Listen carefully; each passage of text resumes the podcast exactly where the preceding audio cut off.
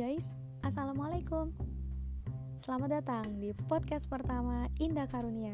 Yeay Kenalin, saya adalah mahasiswi semester 7 Program Studi Pendidikan Ekonomi Universitas Negeri Jakarta.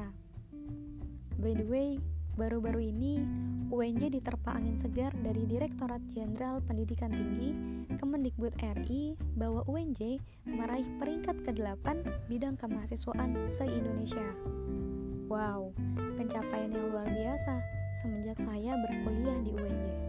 Semoga ini adalah langkah yang baik untuk UNJ ke depannya semakin optimis mencetak SDM yang berdaya saing tinggi di kancah nasional maupun internasional. Oh iya, hai.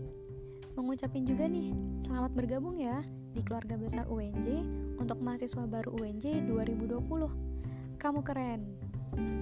So guys, dari mahasiswa yang semoga segera menyelesaikan amanah akademiknya ini, mau titip pesan buat pendengar podcast ini yang mungkin ada yang masih memasuki babak baru perkuliahan sampai mahasiswa yang sering banget ngeluh, udah ah pengen nikah aja.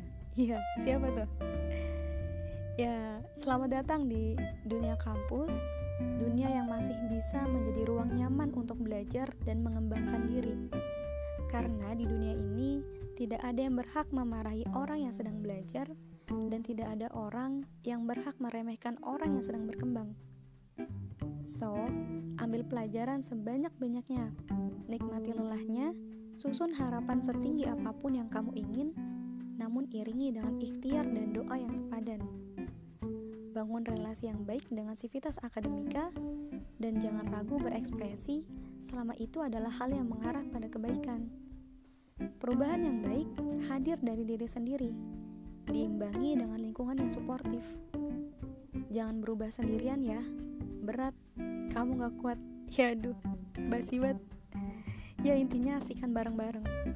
Kayak saya yang memulai perubahan dari kelompok kecil yang hangat dengan kepedulian. Tenang aja, insya Allah kamu juga akan menemukannya. See ya. Assalamualaikum warahmatullahi wabarakatuh.